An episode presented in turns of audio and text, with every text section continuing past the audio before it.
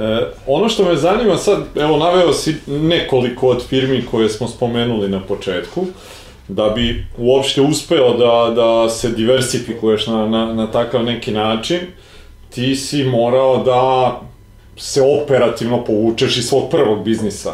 Ono što iz nekog svog e, iskustva i generalno gledajući većina preduzetnika ima kao ogroman izazov, je upravo da uradi to, da delegira stvari ljudima, da se oni operativno maknu odatle, da bi mogli uopšte sad ako gledamo i jedan biznis kao takav, da imaju bolji pogled na, na njega i sad ono što ti to isto omogućava je da imaš vreme da tražiš možda neke nove šanse kao što si ti to uradio.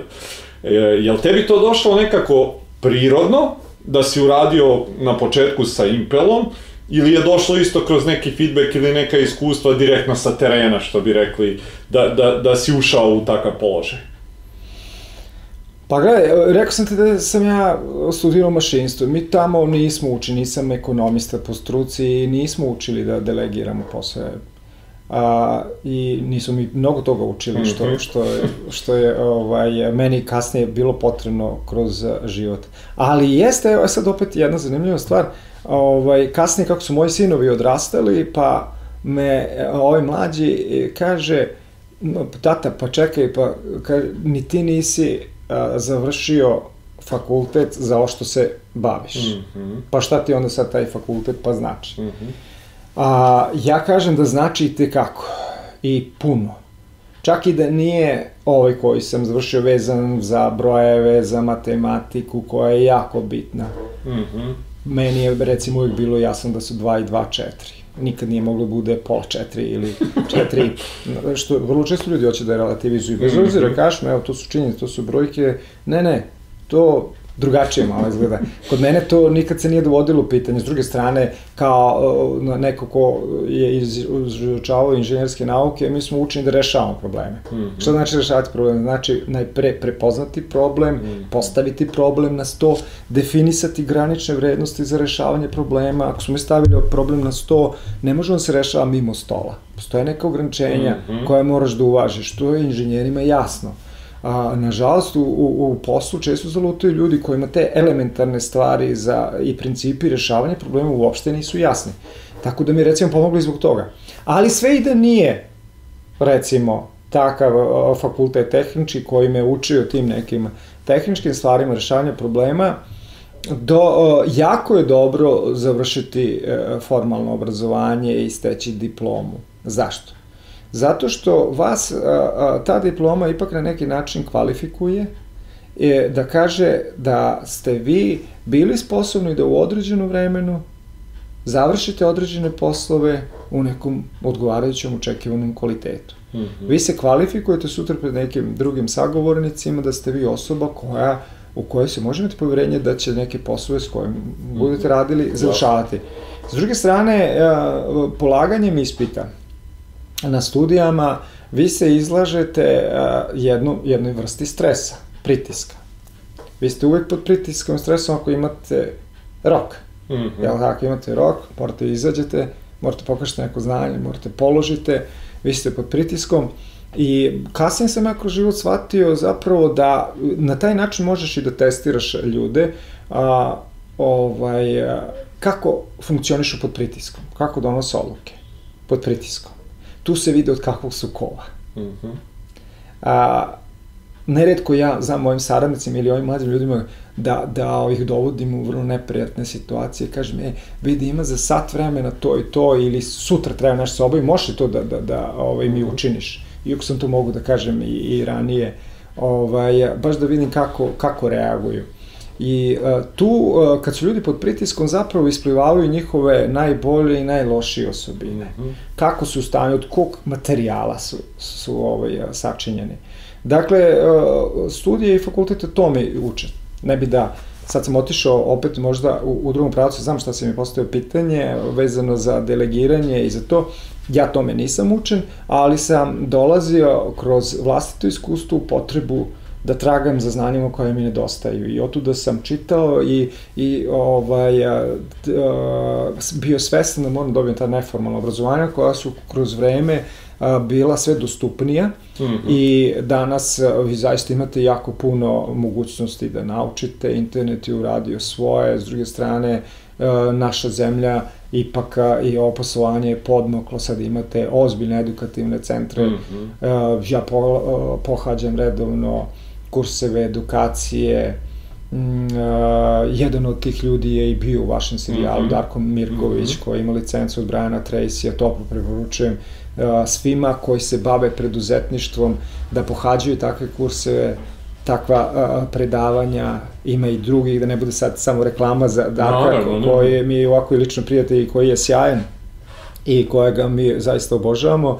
ima i drugih ljudi koji se bave na kvalitetan način time i ta svest o tome da morate da učite, da, da, da, da nadomeštujete znanje koja vam nedostoje je neophodna.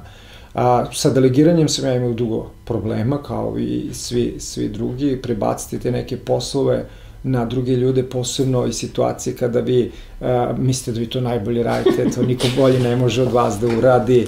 S druge strane, kad vi treba da posvetite neko vreme da ljude uvedete u, u posao, da im a, pojasnite i tako, onda dođeš u situaciju i kažeš, e, ma daj, lakše ću ja to završiti.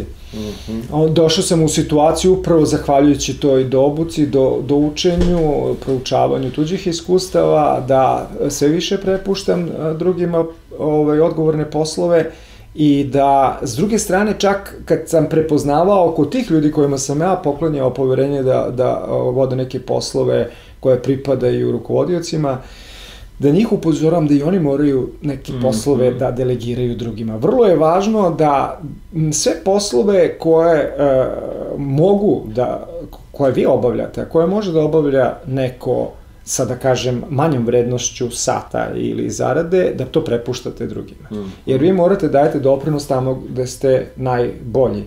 I zato je delegiranje izuzetno značajno. Imao sam puno problema sa time, ne kažem da i dan danas nema, ali potvrda da i sam ipak to prevazišao i jeste upravo ovo da, da imam više firmi koje da. funkcionišu i koje, koje e sad, tu, tu smo negde i, i napravili presek kad sam sve ispričao koje su to sve firme, šta se radimo. Ovaj, vrlo je veliko pitanje da li to baš nešto za preporuku. Šta više, mogu da kažem iz nekog vlastnog iskustva, ako hoćete maksimalne rezultate, u nečemu onda morate e, biti fokusirani. Sad, sad to, ovaj zapad koji e, je ušao kod nas na velika vrata, a, zove core biznisa. Moraš da se baviš core biznisom i šta više da se outsourcuje sve ono što, što nije vezano za core mm biznis i tu su preporuke ne, ne ovaj, bezrazložno date, korisne, a treba se fokusirati maksimalno na ono gde ste najbolji.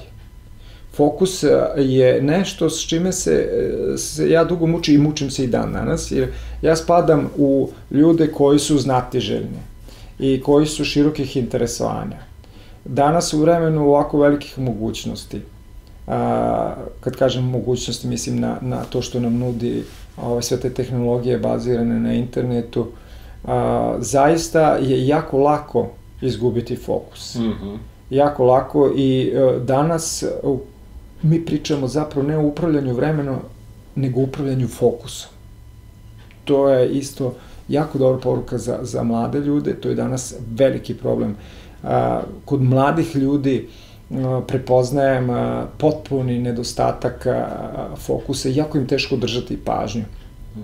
Dođete vrlo čest slučaj, do, dolazite u, u, u kafanu, restoran, poručujete poručbinu veće društvo, 4, 5, 6 ljudi, ti mladi ljudi dolaze i ne, ne zapišu, a kom, mm -hmm. poručbine su komplikovane. Ja kažem, pa dobro, on što ne zapišeš? Ne, ne, kao ja to sve pamtim. A ja ga vidim da je odsutan, jer je spavao, vjerojatno legao u 4-5 i ovaj, mamuran ustao.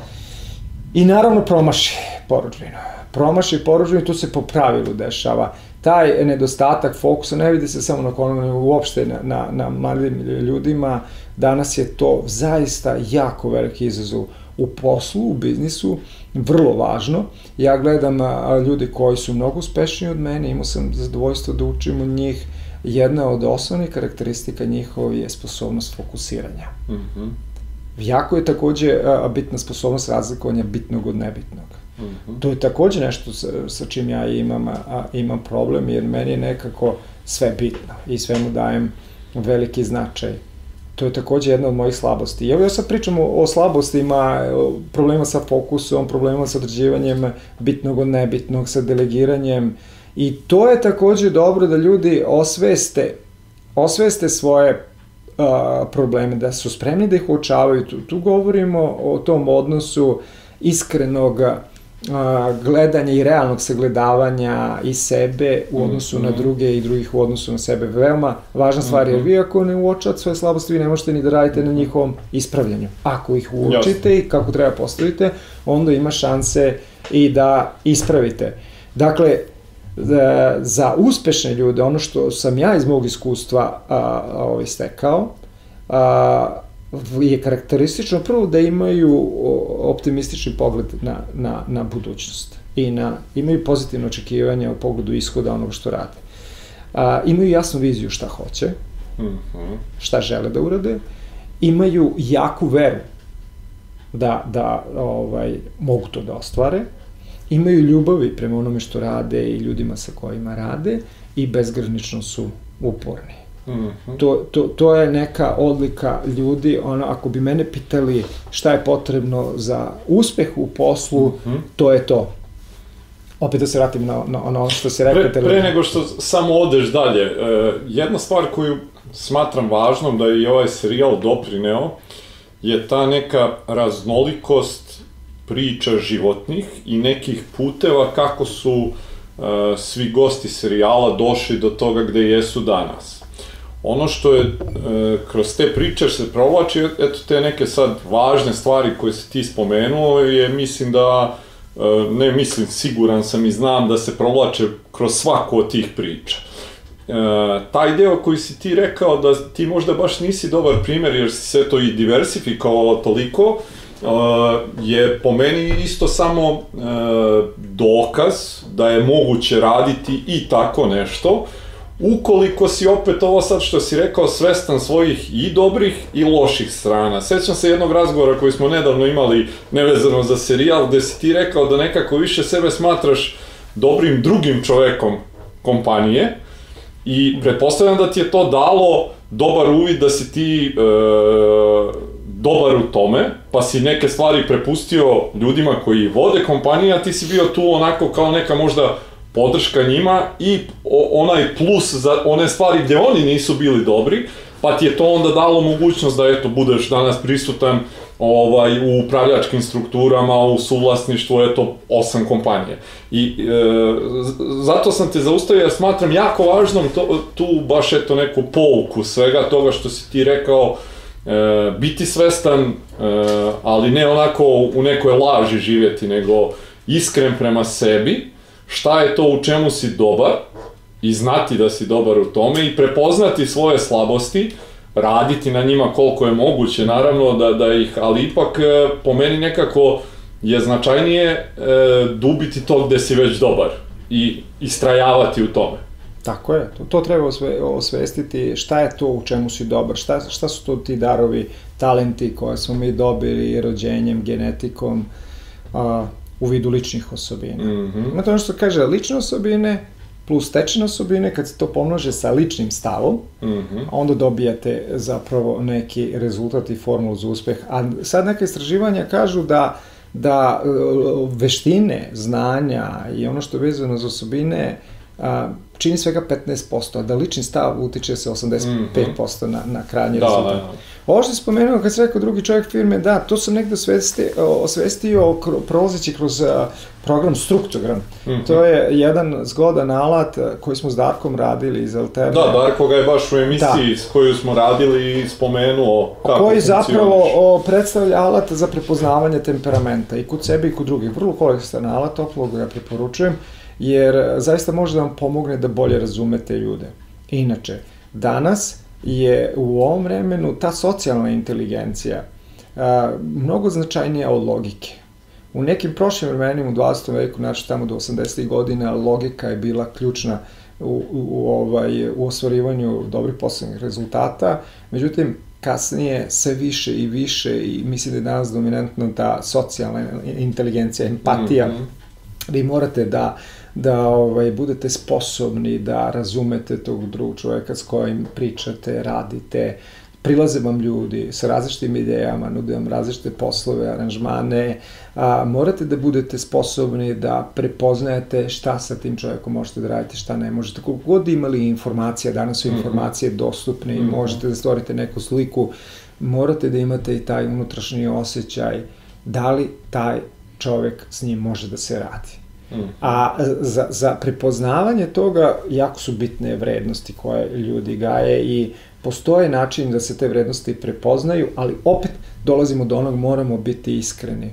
Moramo kad se pogledamo u ogledalo reći da, to sam ja, kad stane na vagu, jeste, imam toliko kilograma, moram biti spreman da zvuče metar, kažem toliko sam visok, da zvuče ruke u džepove, kažem toliko imam ili toliko nemam. Mm -hmm. Vrlo je važna, važna stvar. Uh, dakle, za Šta je tu još zanimljivo? Zanimljivo je to što, što koje vas motivi vuku u, u biznisu, u poslu.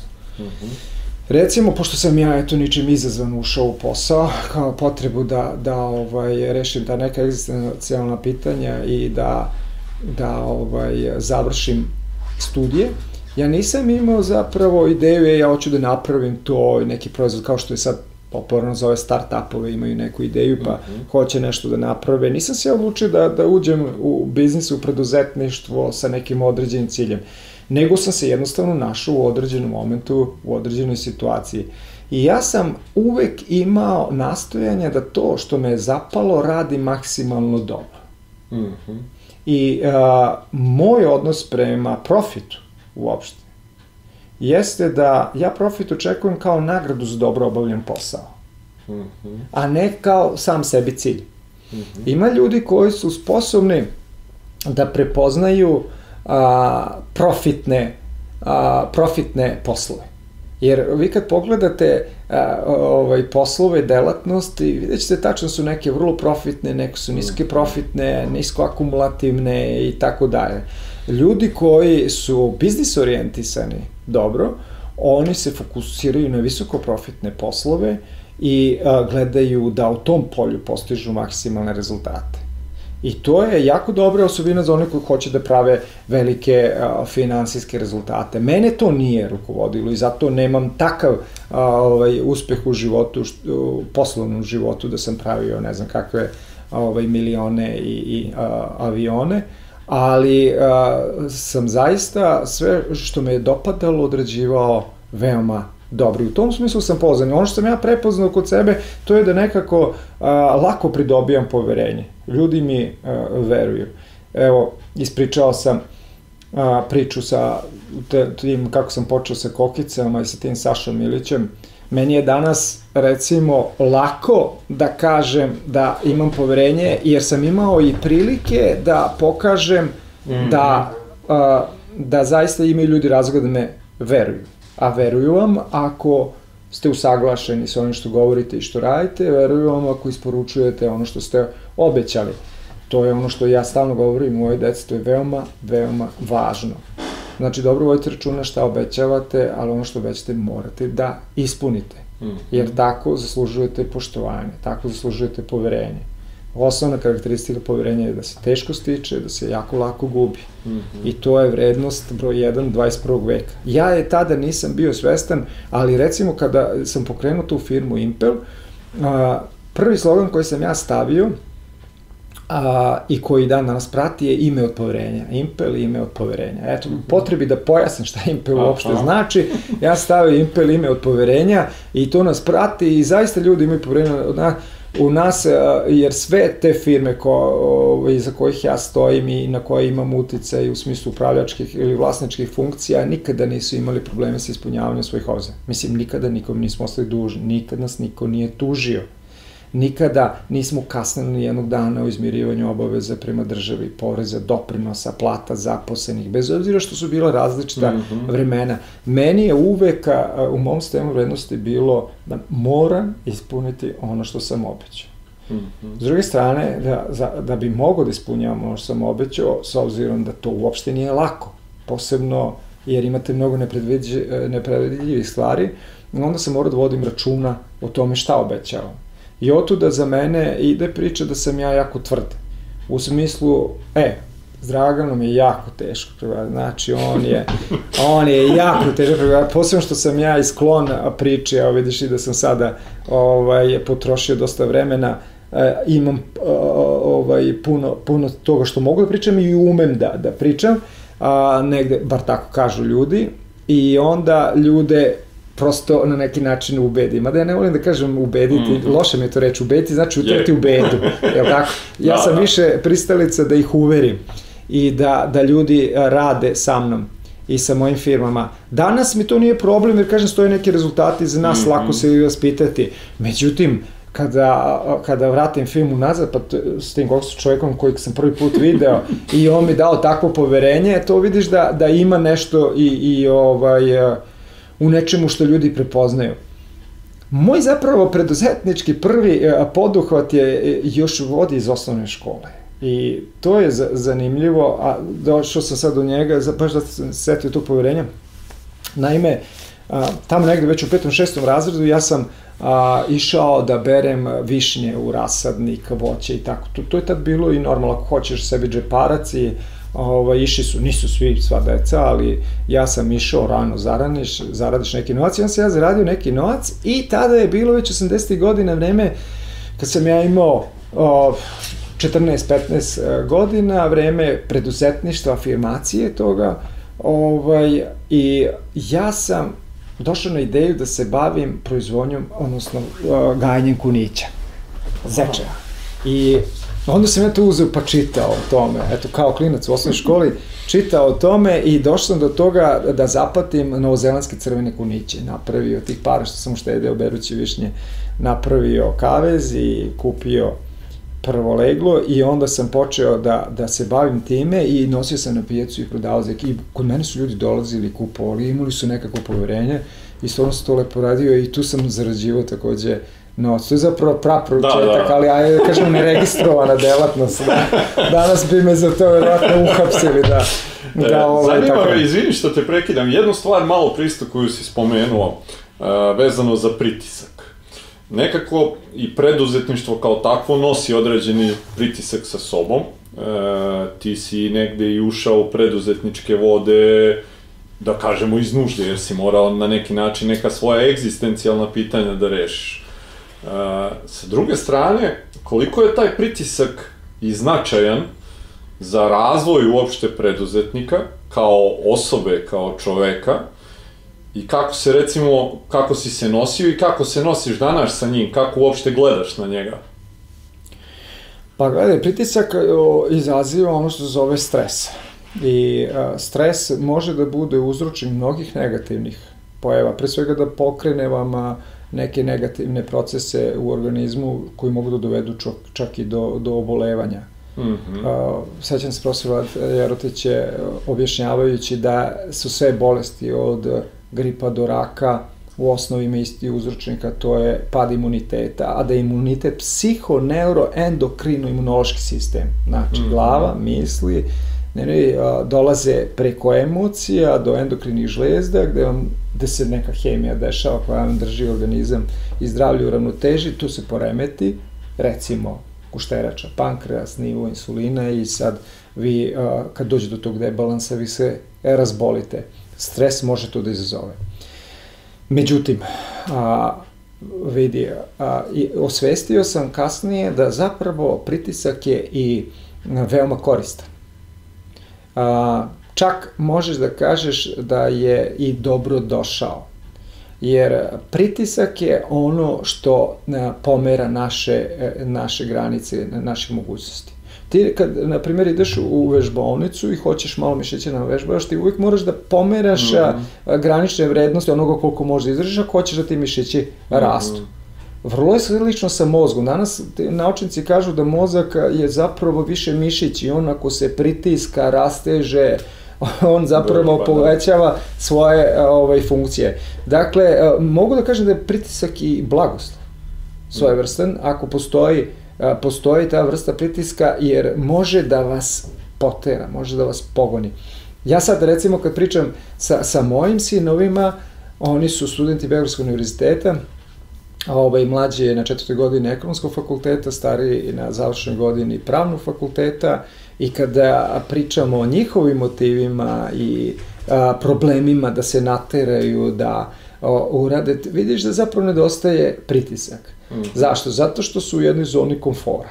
Mm -hmm. Imaju materijalnu sigurnost, ne moraju da a, jure za uslov za dom, ne moraju da jure kredit, studensku stipendiju, a, ne moraju tome da brinu i onda a, svi oni izazovi koji koji su, da kažemo, mentalni slatkiši, mm -hmm. kako to da to kaže, ovaj, dolaze do izražaja i a, naravno da, potežu za njima. Tu je jako, te, njima nedostaje jedna vrsta pritiska da bi se poterali.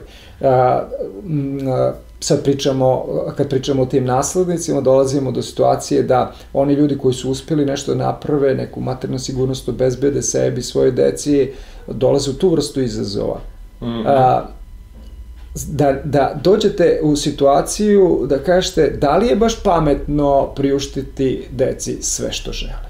Mm. Kažu da ništa ne ubija tako zahvalnost kod dece kao kada im priuštite sve što žele i to onda kad žele. Mm -hmm nemojmo da činimo tu decu nezahvalnima. Tu je naša velika govornost. Ako već nemaju pritisak egzistencijalni, mora da se proizvodi neka vrsta pritiska. E sad, opet s druge strane, taj pritisak i ne može da ode, i ne valja da ode u drugu krajnost. Da ode u drugu krajnost, pa da onda zbog tog nekog veštačkog stvaranja pritiska vas neko zamrzi. Mm. Jel tako? Stalno to dođe Mm -hmm. ovaj, balansiranje i setim se tu uh, mog oca koji je rekao kada je sa bratom polazio u svet, a to znači u Banat, Aha. iz te neke šume a, u kojoj su oni živeli, a živeli su jedno 9 km od, sela, od mesta Rudo, bez struje. Moj deda kad je umro 86. godine nije bilo struje u tom selu.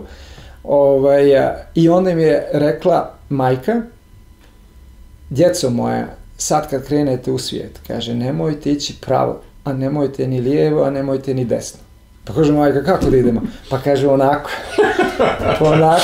E to je otprilike tako i uh, gledaj, sve ti se to svodi, uh, setim se i to profesor Jeratić što je, što je ovaj pričao kada sam u jednom prilikom rekao ono što je mene kod njega fasciniralo, kako umeo da jednu istu stvar sagleda iz različitih uglova i da iznese argumente za svaki od tih uglova i to vrlo ozbiljne argumente.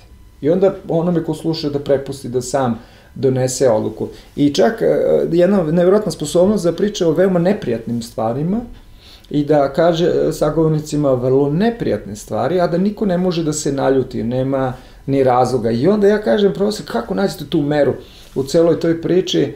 On kaže, ne, dragi moji, ne mera, jer ko sam ja da merim?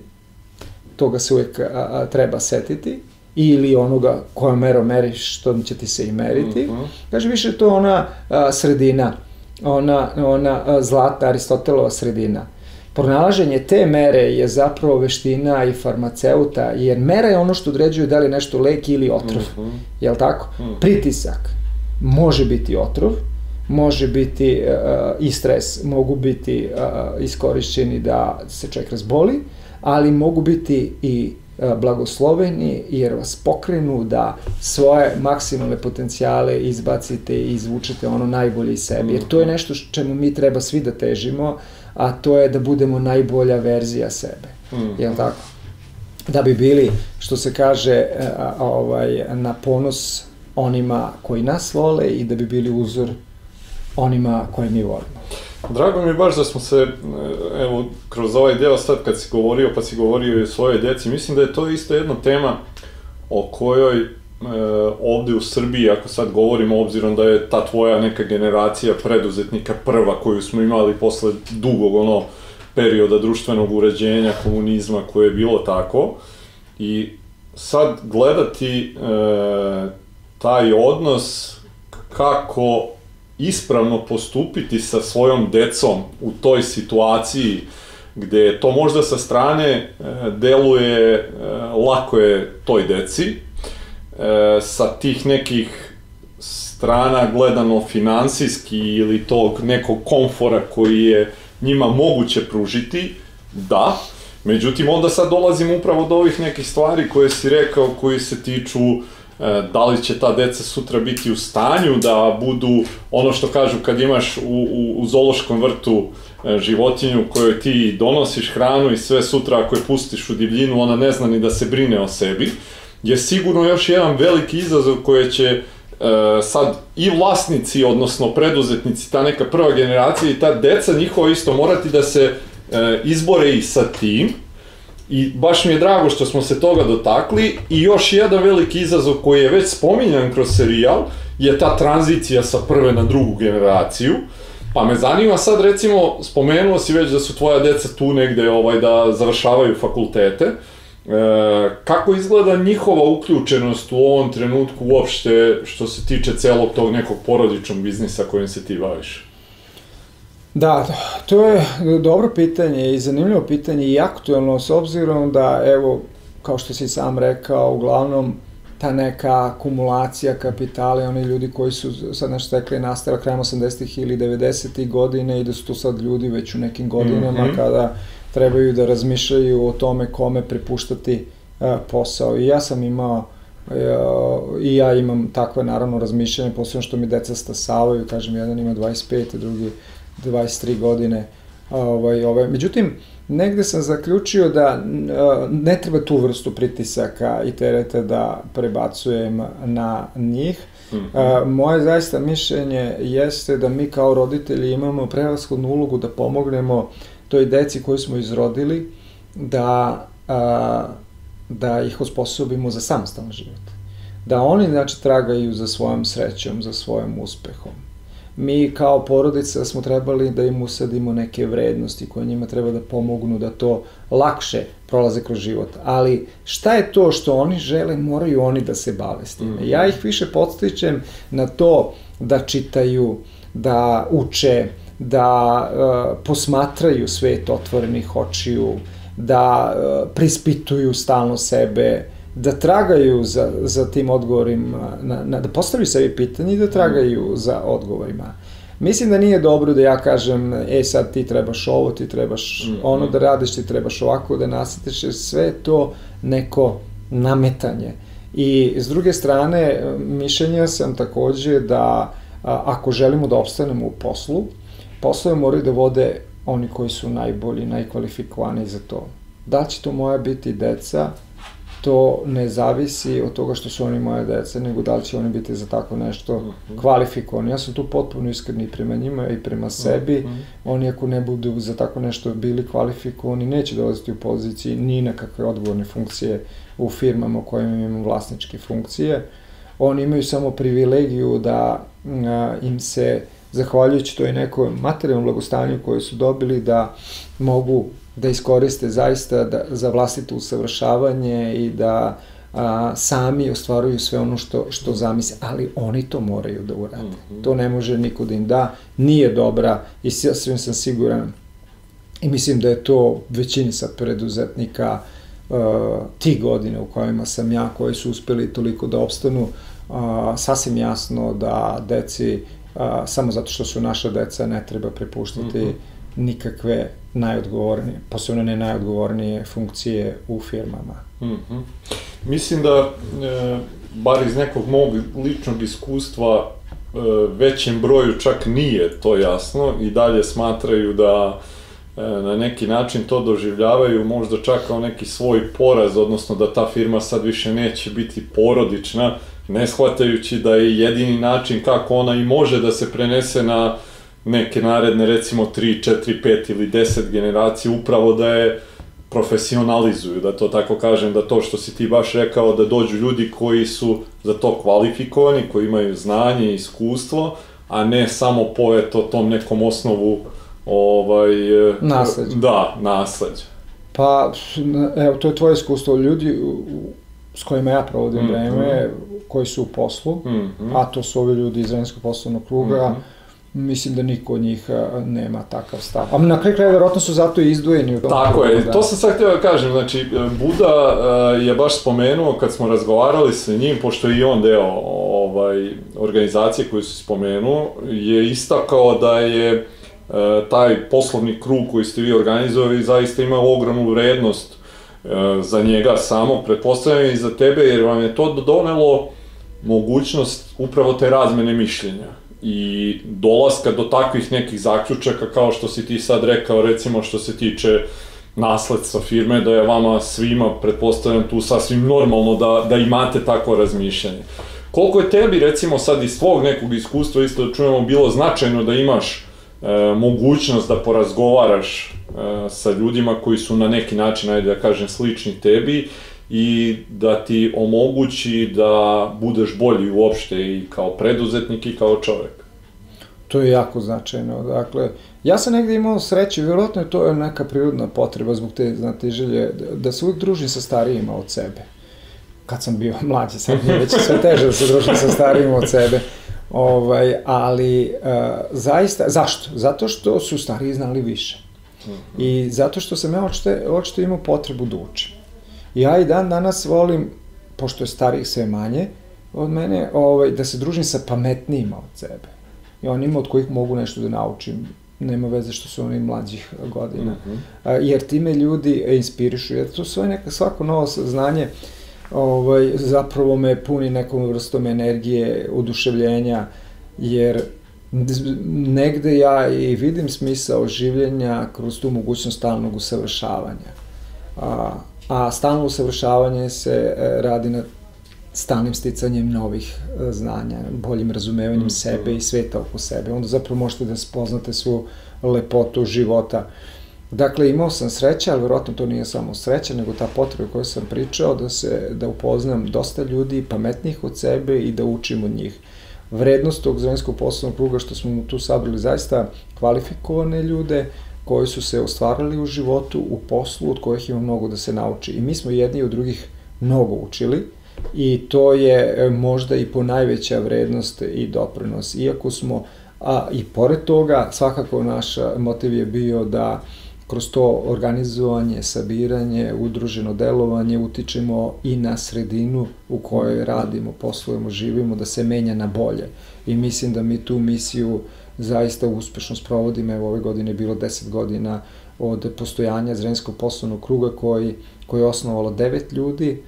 Mi sad imamo devet a, ljudi u, u članstvu, a, s tim da od tih devet osnivača, sedam osnivača je i dalje u tom udruženju. To je vrlo redka pojava u zemlji Srbiji da se ljudi okupe. Posebno što su u, u Zrenskom poslovnom krugu sabrani ljudi različitih profesija, obrazovanja, različite delatnosti, a s druge strane ima i delatnosti koje su iste, gde su konkurenti sede ovaj, za istim stolom. Znači, vrlo jedno specifično udruženje, veoma sam ponosan, učestvo sam u njegovom stvaranju, imao sam i tu, tu čast da budem predsednik u prva tri mandata. Mene je predsedavanje tim zvenskim poslovnim krugom dovelo u situaciju da izločim maksimum iz sebe i da te granice i te stepenice mog intelektualnog, duhovnog, poslovnog uzrastanja, koračam velikim koracima zahvaljujući tim ljudima, jer vi kad se nađete u referentnom društvu, u društvu pametnih ljudi ne možete da pričate gluposti. Morate da budete skoncentrisani i da izlačite najbolje iz sebe. Mm -hmm. E, hoću da se zadržim još malo na, na samim, ajde da kažemo, poslovnim temama pre nego što pređemo na još neke druge. E, rekli smo da danas u ovih osam kompanija gde učestvuješ na bilo koji način, ima negde oko 150 ljudi i pretpostavljam da se već duže neko vreme ne baviš e, tim ko će biti zaposlen u istima ili ne. E sad, zanima me u periodu kad si se bavio tim stvarima, kao što si spomenuo gospođu sa početka koja je i dan danas ovaj, kod tebe u kompaniji, šta ti je bilo važno i šta si gledao kod tih ljudi ovaj, prilikom odluke da li ćeš ih e, prihvatiti da budu deo tima ili ne? A, pored ove gospođe koju sam spomenuo, imam jednu drugu gospođu koja je moj prvi radnik. Aha. Koju sam zaposlio kad sam imao aparat za kokice. Uh mhm. -huh. Ja sam radio na tom aparatu za kokice i pošto smo nabavili već treći aparat, ja i moj kum, uh, onda smo imali potrebu da zaposlimo i stavio sam oglas na aparat za kokice, pa ljudi Dobro. kad prolaze, potrebna radnica, i onda se javila jedna studentkinja iz Šekovića, ona je studirala ovde u Zrenjinu, i uh, nju sam zaposlio kao prvu radnicu. Ona i dan danas radi ko, u jednoj od tih mojih firmi direktori Banat Presa. Znači 28 godina. Mm -hmm. I uh, uh, o, to, to je meni inače veliki ponos. Direktorica Impela je od 99. godine kod nas ovde zaposlena. A, ovaj drugi moj saradnik, a, tehnički direktor, ima običaj da kaže Sandra je direktorica rezultat bombardovanja. da, onako se šalimo. Ali ovaj, evo i sad kao što se nasmeje, ja negujem tu kulturu u firmi da ljudi budu slobodni i da se i, i našale i nasmeju i generalno ljudima koje zaposlim dajem slobodu. Zašto? Zato što sloboda povećava odgovornost. Ima jedna izreka, a, ako nekome ne veruješ, nemoj da ga zapošljavaš. A ako ga zapošljavaš, nemoj da sumnjaš u njega. Mm -hmm. To je dobar savet za one koji zapošljavaju. Zapošljavaj polako, otpuštaj brzo. A, to je takođe jedan od korisnih saveta. E, morao sam da radim na tome. Sećam se jedne knjige, mislim da se autor zove Burke Hedgins. Just. I Burke Hedgins, je tako? Za, kako zaposliti i zadržati mm -hmm. najbolje ljude. Ovaj, I on je baš a, odličan, odličan a, primer zato što je napisao i on knjigu Čitanjem do bogatstva. Mm -hmm. Jel tako? On je to napisao. Za tu nisam siguran. Mislim, Mislim da i Trace ima kako zaposliti i zadržati najbolje ljude. Ali on da. je napisao i čitanje do bogatstva, da predlažem tvojim gledalcima da potraže tu knjigu, sjajna priča, čovjek bio na dnu i jedna knjiga mu je od Napoleona Hila, najveći trgovac, ovaj, promenila život i koliko može jedna knjiga da, da, da ti promeni život. Može mnogo da se nauči. Vezano za to kako zadržati i, i kako zaposliti, zadržati ljude čitava je nauka. Ja naravno nisam poznao tu nauku i morao sam da se oslonim na tu ovaj, empatiju ili tu socijalnu inteligenciju koju smo mhm. pričali, koja je vrlo važna. Vrlo važna ne samo za, za preduzetnike, nego uopšte za rukovodioce, menadžere. Ako to nemaju, teško da mogu da upravljaju drugim ljudima i da organizuju neke poslove. Dakle, o, ja sam kod zapošljavanja a, ljudi, meni je bar značilo, posebno u tim početcima, pošto ja nisam mogu da a, platim, da kažem kupim gotove kadrove. Mm -hmm. Ljude koji završili studije, koji su ostvareni, koji imaju rezultate iza sebe, jer ti si trebao takve ljude uvek i da platiš. S druge strane, nisam se ni bavio takvim poslovima da mi je trebalo. Nego sam ja na neki način morao da stvaram kadrove, kao što sam i samog sebe ovaj, stvarao i gradio, ali sam nastoje da, da prepoznam do kojih vrednosti ti, ti ljudi drže. Da li pijemo iz iste šolje čaj, mm -hmm. što se kaže, da li, mm -hmm. da li smo na istim talasnim dužinama. Uh, kako to možete prepoznati? Tako što vidite kako, kako ljudi recimo uh, se odnose prema određenim stvarima, kako gledaju na sreću, šta je za njih sreća. I imate ljude koji, uh, ovaj, velik deo, velik broj ljudi koji smatraju da sreća nešto što te zadesi ono što kaže, rodi me majku srećom pa me baci na, mhm. na, ovaj, na, na smetlište, ali bitno da, da sam srećan. Misle da je to nešto što dolazi mimo njih. A s druge strane imate ljudi koji su a, ovaj, koji su osvestili da moraju za sreću svoju da se bore i da, da je grade. A, to su neka pitanja ili, ili odnos prema, prema zarađivanju. Da li na, na, na platu gledate kao na nagradu s dobro obavljen posao, ili kao nešto što je samo a, sebi cilj. Mm -hmm. a, vi ste, zna, davao sam, morao sam da dajem zapravo do, do značaja, pre svega da prepoznajem a, a, ljude koji mogu biti lojalni. Šta znači? Koji mogu biti od poverenja, koji, koji vas neće ostaviti na cediru zato što vam je neko, što mu je neko ponudio 1000, 2000 dinara ili ne znam, 10.000 ovaj, nečega više. Koji, e, koji drže do onih vrednosti do koje i vi držite. Mm -hmm. Recimo, ja nikada ni na, ni na jednog mog saradnika ili nekog, da kažemo, ispod mene nisam podigao ton. To ne radim ni kući, ne znam zašto bi tu radio i odnosim se sa, sa jednim velikim poštovanjem prema svima njima i oni koji prepoznaju to kao veću vrednost nego što će ga neki poslodavac platiti nešto više pa biti spreman da ga matletira, ti ljudi su se e, pronalazili u takvoj atmosferi. Oni ljudima kojima više znači sigurnost nego li a, neka zarada i profitabilnost. Jer, kažem, i ja sam radeći se posao, rekao sam to malo pre, više a, ovaj, gledao da odradim pošteno i kvalitetno taj posao nego šta ću i koliko ću zaraditi. Mm -hmm. a, smatram da će to, ta zarada, svi mi radimo za novce, svi mi imamo kuće frižidere koje treba napuniti, ali da to dolazi a, samo po sebi ako čovjek pošteno odrađuje svoj posao.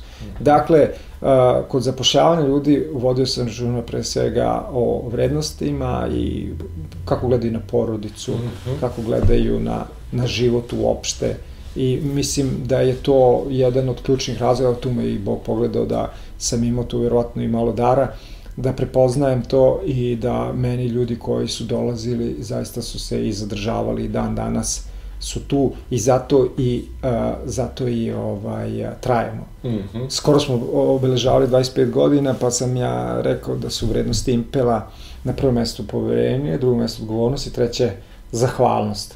I te vrednosti, iako to kao zahvalnost, kao vrednost, nije baš uh, često da firme, kompanije, kad govore o svojim vrednostima, ja nisam bar imao prilike da vidim da neko ističe zahvalnost kao vrednost, ali smatram da, da je zahvalnost jako važna i to ne ona zahvalnost tipa ti meni nešto učiniš, ja ti kažem hvala, Uh mhm. -huh. To je ljubaznost, ajde da mhm. kažemo, uh -huh. to je deo vaspitanja ili programa, nego ona iskrena zahvalnost.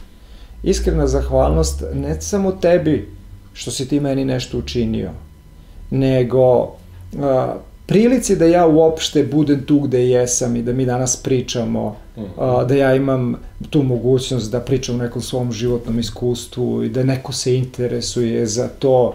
A, to bez Božje milosti ne bi bilo, a ta iskrena zahvalnost koja je u srcu zapravo predstavlja jednu pokretačku energiju koja je neophodna za, za život, posebno preduzetnika. Potrebna je mhm. svima. Ne, treba, kako kažem, nezahvalne ljude izbegavati. Ja sam ih izbegavao. A, jedno je, opet tu treba razlikovati a, a, zadovoljstvo i zahvalnost. Uh mhm. -huh. Učili su nas roditelji, a, vaspitavani i odrastani i koji su živjeli u onom sistemu koji je to Bože proizvodio sigurnost i garantovao im neku sigurnost. Budi sine zadovoljan sa onim što imaš. E, pazi mm. da to ne izgubiš, znaš, čuvaj to što imaš i tako dalje. Zapravo ja sam shvatio da a, umesto te vrste zadovoljstva koja nije, nije poželjna jer te ograničava, mm -hmm. jer te ne dozvoljava, ne pokreće te, treba negovati zahvalnost. Zahvalan sam za što su mi ove dve noge čitave pa mogu da me nose, što, što zahvalan sam očima što mogu da gledam svet i da upoznam sva čuda ovoga sveta, zahvaljujući njima. A, imamo puno razloga da budemo zahvalni. Nikada ne treba da se žalimo za, za situaciju i priliku i nepriliku u kojoj se nalazimo, jer sve ono što nas je snašlo i tu gde se nalazimo je s razlogom. Mhm. Zato što treba nešto da naučimo. Uh -huh. I baš se tu nalazimo gde treba da se nalazimo. Moramo da imamo više poverenja u Boga. Ispričat ću jednu, ovaj, jednu priču. Pre dve godine sam bio u poseti Kosovo i Metohiji prvi put. I bio sam na liturgiji nedeljnoj u manastiru Dečani.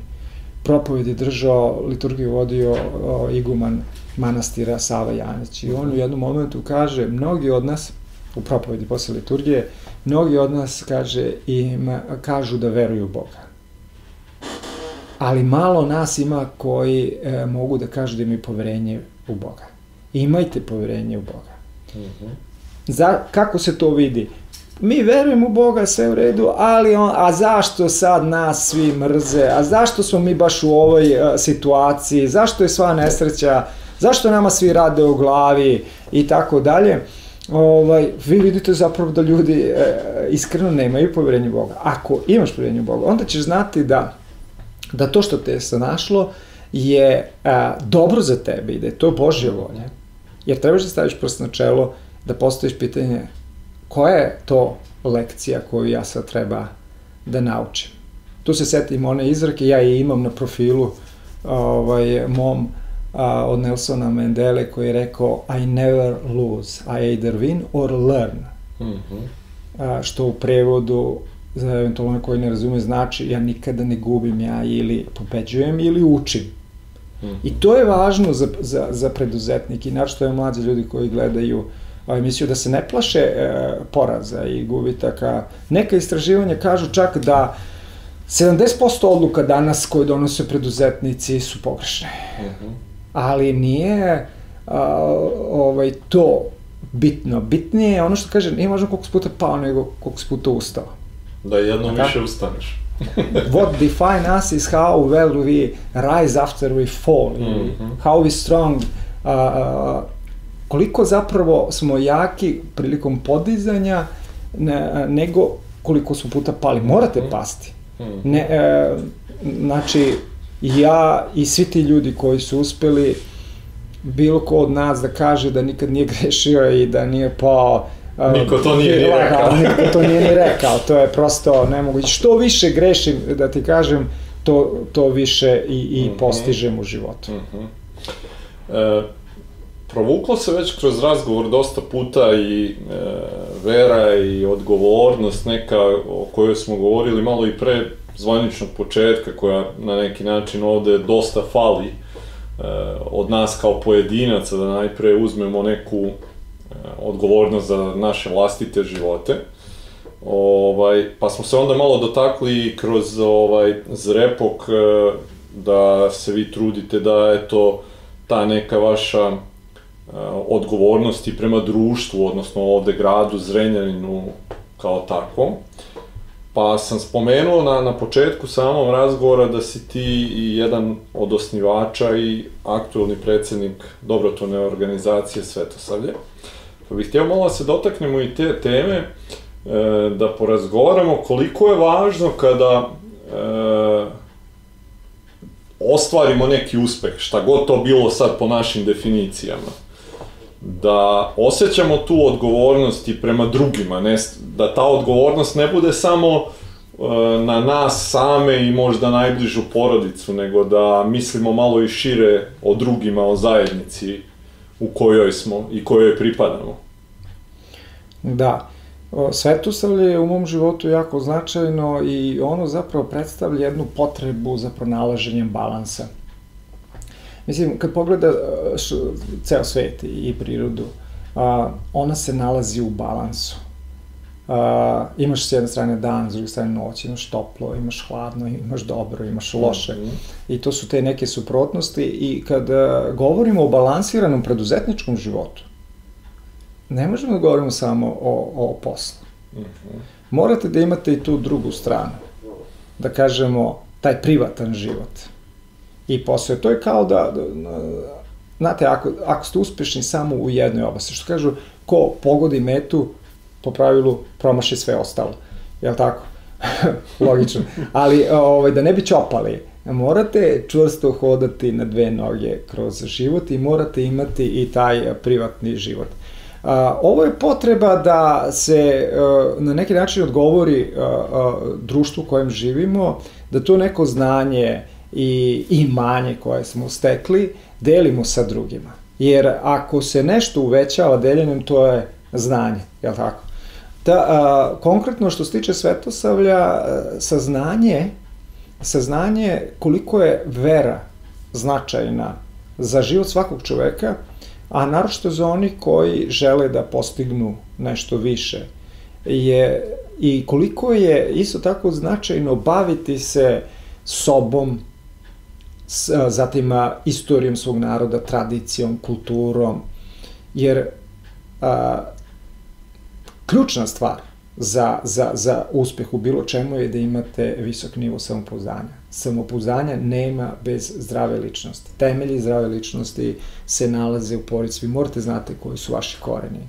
Vi morate da, da, da znate iz kog naroda potičete, iz koje sredine, naprosto da bi to seme iz kojeg ste vi iznikli, mogli najbolje darove da iskoristite, morate da to osvestite ta, ta potreba sabiranja u Svetosavlju je upravo potreba da se bavimo sobstvenom duhovnošću, tradicijom, istorijom, kulturom i da u njoj i u najznačajnijim ličnostima iz te naše istorije tražimo inspiraciju. Zato su meni na, na ovde uvek pred očima Sveti Sava, koji je nesporno najznačajnija ličnost u istoriji Srba, utemeljivač i naše crkve i države i škole i a, neko ko je presudno i uticao na identitet našeg naroda i na ono što se zove Svetosavlje i ono što ono predstavlja, a za mene i za nas okupljeno u Svetosavlju predstavlja pre svega čovekoljublje, rodoljublje, bratoljublje, humanost i te najvrednije osobine koje naš narod ima nastojimo i kod sebe da još više osvestimo, još više izbacimo u prvi plan, ali da podstičemo i, druge ljude na, na solidarnost, jer to je ono što, što nam treba. Ljudi su ipak društvena bića i koliko god taj zapadni svet nam nametao taj individualizam i koliko god mi pripadali tom a, a, zapadnom svetu, ne možemo mi da pobegnemo od sebe. Znate, u toj zapadnoj kulturi koja je prevladala i kod nas sada, imate nešto zove sticanje, gomilanje, upoređivanje, ako govorimo o poslu. Svetosavski ugao gledanja koji je meni blizak zagora, zagovara stvaranje, sabiranje, deljenje.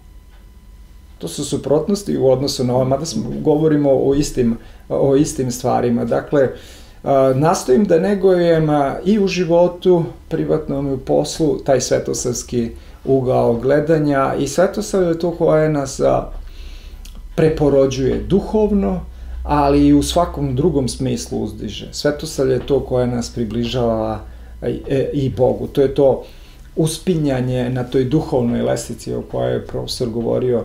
Stalno a, mi težimo ka Bogu, kao nečem što je savršeno i nečemu što je ideal i što se mi na toj lestici više penjemo, to se i nama nekako Bog više približava. Do tog susreta nikada ne dođe i to ne treba niko da gaji tu ilazio.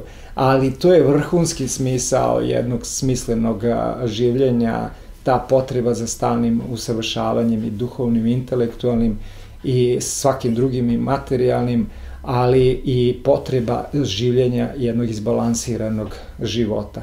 Otuda je sve to sam, mm -hmm. lično sam ponosan na tu organizaciju, mi imamo brojne aktivnosti, ne bih sad o, o tome ovde da mm -hmm. oduzimam previše vremena, ali mogu da kažem da smo preko 200 dece za poslednjih 10 godina koliko smo osnovali a, a, Svetosavski fond za školovanje dobrih đaka i studenta koji potiču iz višedetnih porodica slabih materijalnih mogućnosti, pomogli im da se iškoluju i veoma sam ponosan i na sve ljude koji su okupljeni u Svetosavlju i na sve ono što smo postigli i iskreno se nadam da će u vremenima koje predstoje ljudi u našoj zemlji se više shvatati a, kakav, kakve mi zapravo uzore treba da imamo mm. u našem životu. Mm -hmm.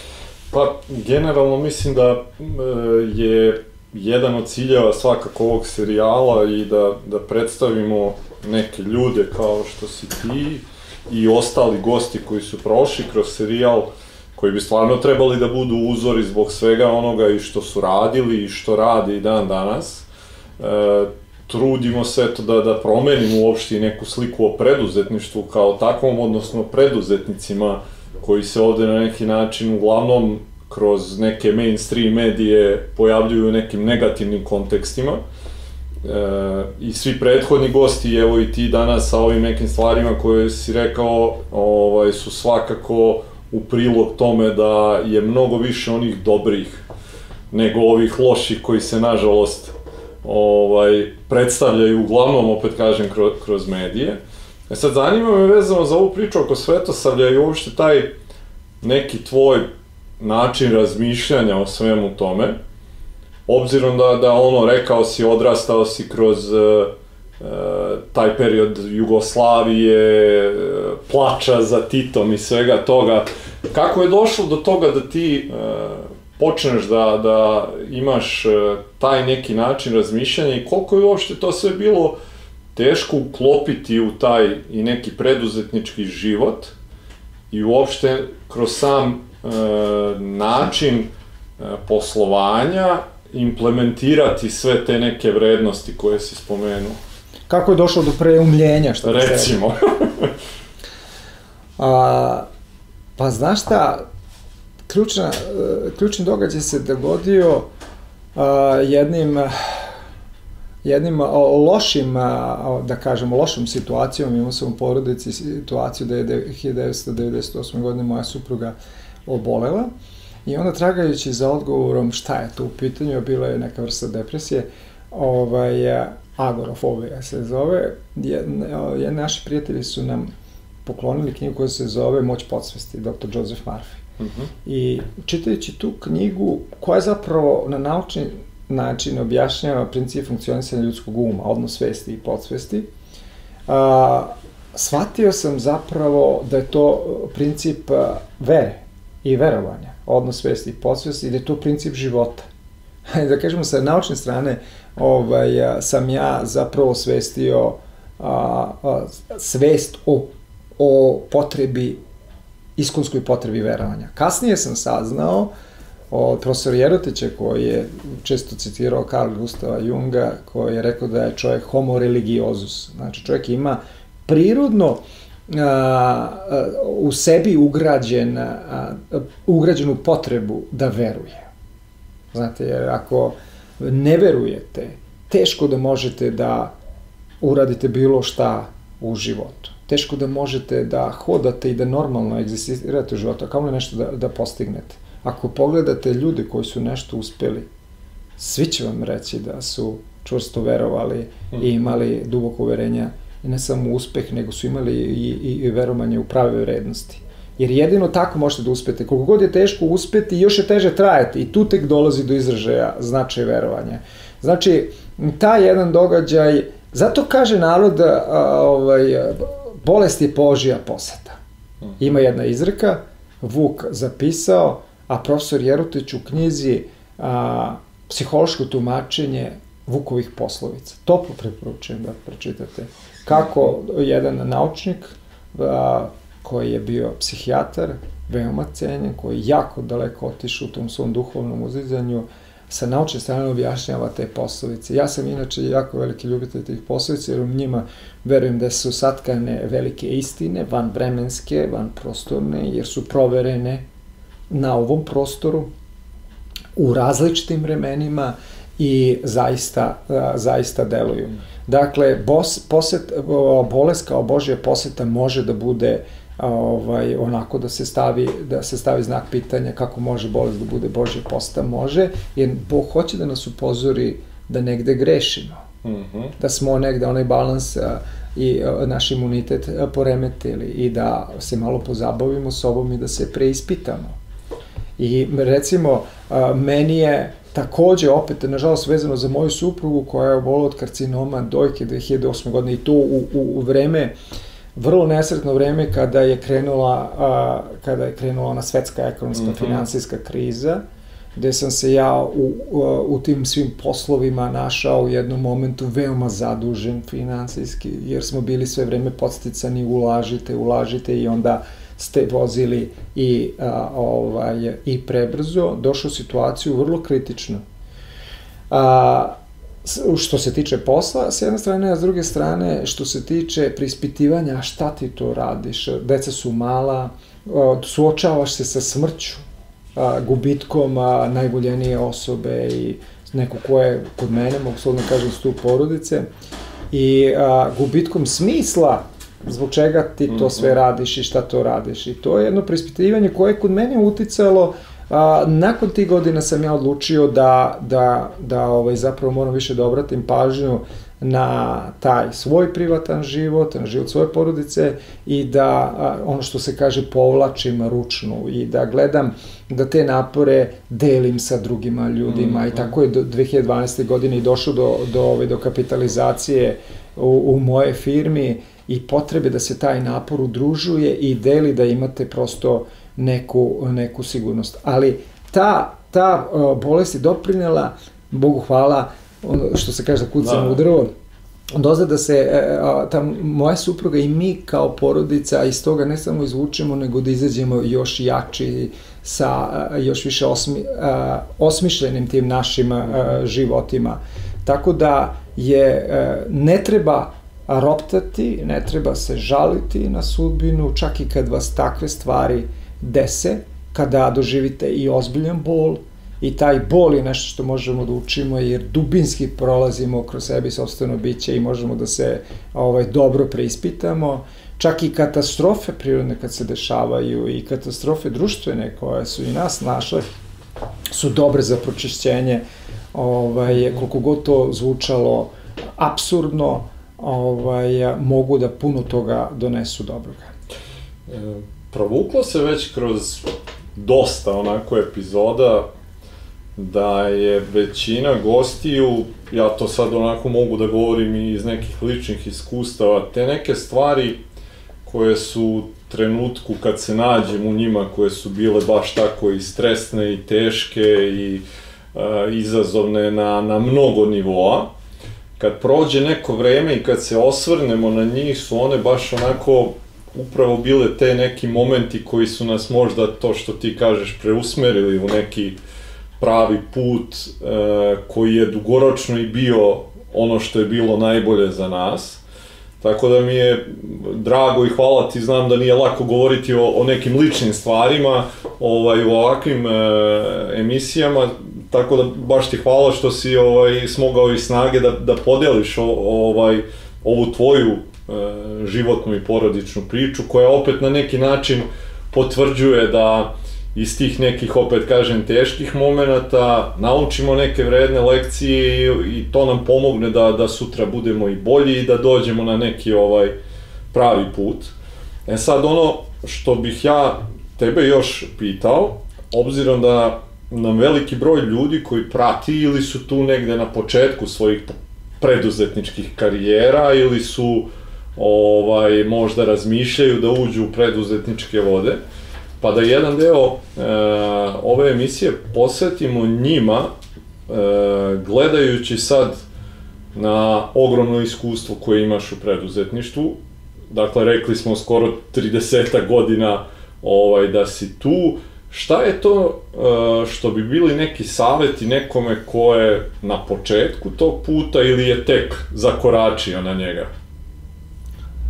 Savet, da najteže je davati a, savete, posebno ako vam neko i ne traži savete. Zato sad ne znam da li ovi tvoji gledalci traže savete ili ne, ali verovatno da čim gledaju da. ove emisije očekuju da čuju neki savet. Pa sad bi mogo da bude da uh, veruju ljudi u sebe, veruju u život, da sad bi mogo da bude da otvorenih očiju posmatraju svet oko sebe, da uh, prepoznaju prilike, ali da se sposobe i da ih razlikuju od neprilika, mm -hmm. jer između prilike i neprilike zna često bude ovaj, tanka linija. Uh, savjet bi mogao da bude da uh, budu smeli, hrabri. Hrabrost je vrlo važna odlika, posebno preduzetništva. Ali lično mislim da preduzetnik može da bude svako ko u svom životu iskoru, iskorači i preduzme taj jedan korak u želji da u svom životu bude, ima i, i, i radi nešto više od nekog ko je prosečan čovjek. Mm -hmm. Svako može e, biti preduzetnik, preduzetnici u suštini imaju ulogu predvodnika, to danas popularno kaže lidera. Peter mm -hmm. Drucker je rekao svoje vremeno da a, nema rođenih vođa, da se vođe zapravo stvaraju, ili ako ih ima, da su oni statistička greška, da se zapravo vođe stvaraju i da se uglavnom stvaraju sami sami se stvaraju i ovaj a ređe pod uticajem nekog okruženja. Šta to znači? Pred, biti preduzetnik po meni znači pre svega a, a, biti spreman da služiš. Uh mhm. -huh. a, imati svest o tome da moraš da budeš od koristi. Biti preduzetnik znači a, po meni da trebaš da si primer i uzor ljudima oko sebe. Tvoj način života, tvoj tvoj odnos prema životu. Dakle, biti preduzetnik znači savlađivati sobstvene hrabrost, ovaj, sobstvene strahove. Mm -hmm. Hrabrost je vrlo važna osobina. Winston Churchill je rekao da je to najznačajnija osobina koja utiče na sve ostale osobine. Ne znam da li je to tako, ali ima smisla razmisliti, ali sam sasvim siguran da za preduzetništvo treba hrabrost. Mm -hmm. Jer, pazite, preduzetnici se upuštaju u, u, u, u poduhvate za koje niko ne može da im garantuje da će imati povoljen ishod.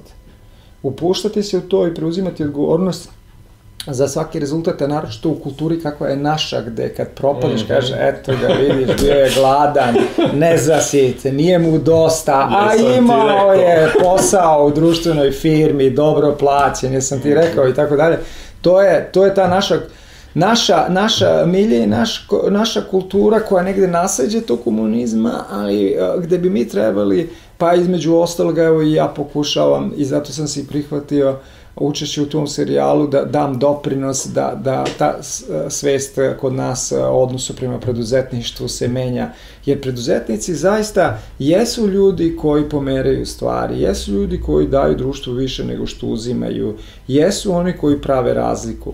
Nema ih mnogo. Ka, neka istraživanja kažu da pravi preduzetnik ima 2% u, u, u ukupnoj strukturi stanovništva, Da li se preduzetnik rađa ili stvara, ja sam pristalica pre onoga što je rekao i Peter Drucker, da se više stvara i da u tom smislu savjet za mlade je da se smelije upuštaju u, u te neke rizike, naravno rizike koji su omeđene razumom, mm -hmm. zdravom pameti i ne, ne u rizike koji nisu, nisu provereni, sa svim mogućim znanjima i ono što danas nam ono što se kaže te tehnologije i uopšte znanje pruža. Vi ako se upuštate u nešto, morate dobro proučiti tu oblast. Mm -hmm. Morate dobro proučiti ovaj, ko se bavi time, na koji način i morate dati sebe. Dakle, hrabrost je vrlo važna, ali da se ljudi i malo osmeluju. Kako mogu to da prepoznaju, recimo, kao šta znači biti hrabar i, i ovaj, gde je tu, e, da kažemo, neka granica između hrabrosti i ludosti, jeli? Uh mhm. -huh. da, ne, da ne ode se ovaj, u taj korak. Pa možete, ako, ako recimo manje više ljudi znaju da se igraju, ako ne rekreativno, onda igraju društvene igre, ovaj, možda se prepozna da li jeste za to i da li imate petlju, što se kaže, prema odnosu, odnos prema igri, prema pobedi mm ili porazu. Ima ljudi koji kad igraju kažu, ma dobro, sve jedno mi je kako ću, mm -hmm. ovaj, kako će biti rezultat, šta se nerviraš? Meni uvijek bilo stalo. Da, Jedno mi je, meni, uvijek mi je bilo stalo da pobedim. Ove, jednom mi je jedan prijatelj rekao, ej, Gane, tako su me zvali u mladosti, kaže, ja u govnu da igram, ja volim da pobedim. I ja, sam, ja spadam u, u te ljude. Ovaj, to je više od igre. Znači, da. ako nemate tu vrstu volje za pobeđivanjem, onda za vas nije uh, preduzetništvo. Uh, prosto, s druge strane, ako ne volite da učite, da, da e, radite na sebi, nije za vas preduzetništvo, ali ne znači da ne može da bude. Pokušajte da nađete načina da sebe pokrenete. Mm -hmm. Pokušajte da nađete načina da izađete iz zone komfora. Napravite koraka. Evo, između ostalog može da bude, ovaj, meni će lično biti drago ako je uh, ovo što smo danas ti ja pričali i ovo što su ljudi čuli a, od mene, ako je makar jednog čovjeka inspirisalo mm -hmm. da se pokrene, da možda sutra ustane iz kreveta ranije i da pročita neku knjigu ili ne, neku dilemu koju je imao u svom životu u pogledu donošenja odluke da li da nešto uradi ili da ne uradi, ako mu to pomogne, ja lično mm -hmm. ću se osjećati srećnim. Da. E, Dragane, pitanje sa kojim završavamo sve naše razgovore dao si savet sad nekim ljudima koji nas gledaju, da imaš priliku da se vratiš sad u tu neku možda 92. ili 95. Bilo da su to kokici ili početak Impela kao takvog zvanični i da sa svim ovim što sad znaš kao mentor tom Draganu koji ima 20 i nešto godini da daš možda neki savet, šta bi to bilo? Pa gledaj, ja, ja bi sad lagao kad bi rekao iz ove perspektive i ovo što sad znam da neke stvari ne bi drugačije uradio. Mm -hmm. naravno da, da bih, ali s druge strane, e, danas sam sigurniji nego ikada da ni za čim se ne kajem što je bilo i ne bih ni sa čim drugim životom menjao svoj. Oscar Wilde je jednom rekao i to, to bi moglo da bude poruka a, ljudima koji gledaju ovo, budi onaj koji jesi. Jer svi ostali su već zauzeti. Mm -hmm. I ja bi to, do, to mi dodao samo, ali nastavite da budete najbolja verzija sebe. I to se može ako svakodnevno makar mala poboljšanja mm -hmm. uradite, ako ono što se kaže, za, za jedan milimetar pomerite taj svoj ugao gledanja ili pravac kretanja prema toj svojoj najboljoj verziji, neverovatne stvari će se dogoditi za godinu dana, da ne kažem za dve, tri, a, pet. Neverovatno koliko može čoveka da, da sa tim malim sitnim poboljšanjima o, o, o, približi sebe ka toj svojoj najboljoj verziji. A najbolja verzija, ono, mislim da sam to nešto ranije rekao, a to je ona s, kojom, s kojom će se ponositi oni koji e, vas vole i a, ona verzija koja će biti uzor onima koje vi volite. Dragane, hvala ti puno na evo, dva i po sata razgovora. E, hvala ti prvo na odvojenom vremenu. Hvala ti na, na svim ovim znanjima i iskustvima koje si podelio, koje si ti sticao, e, eto, rekli smo skoro 30 godina u preduzetništvu, a bilo je nekih lekcija koje si učio i pre toga.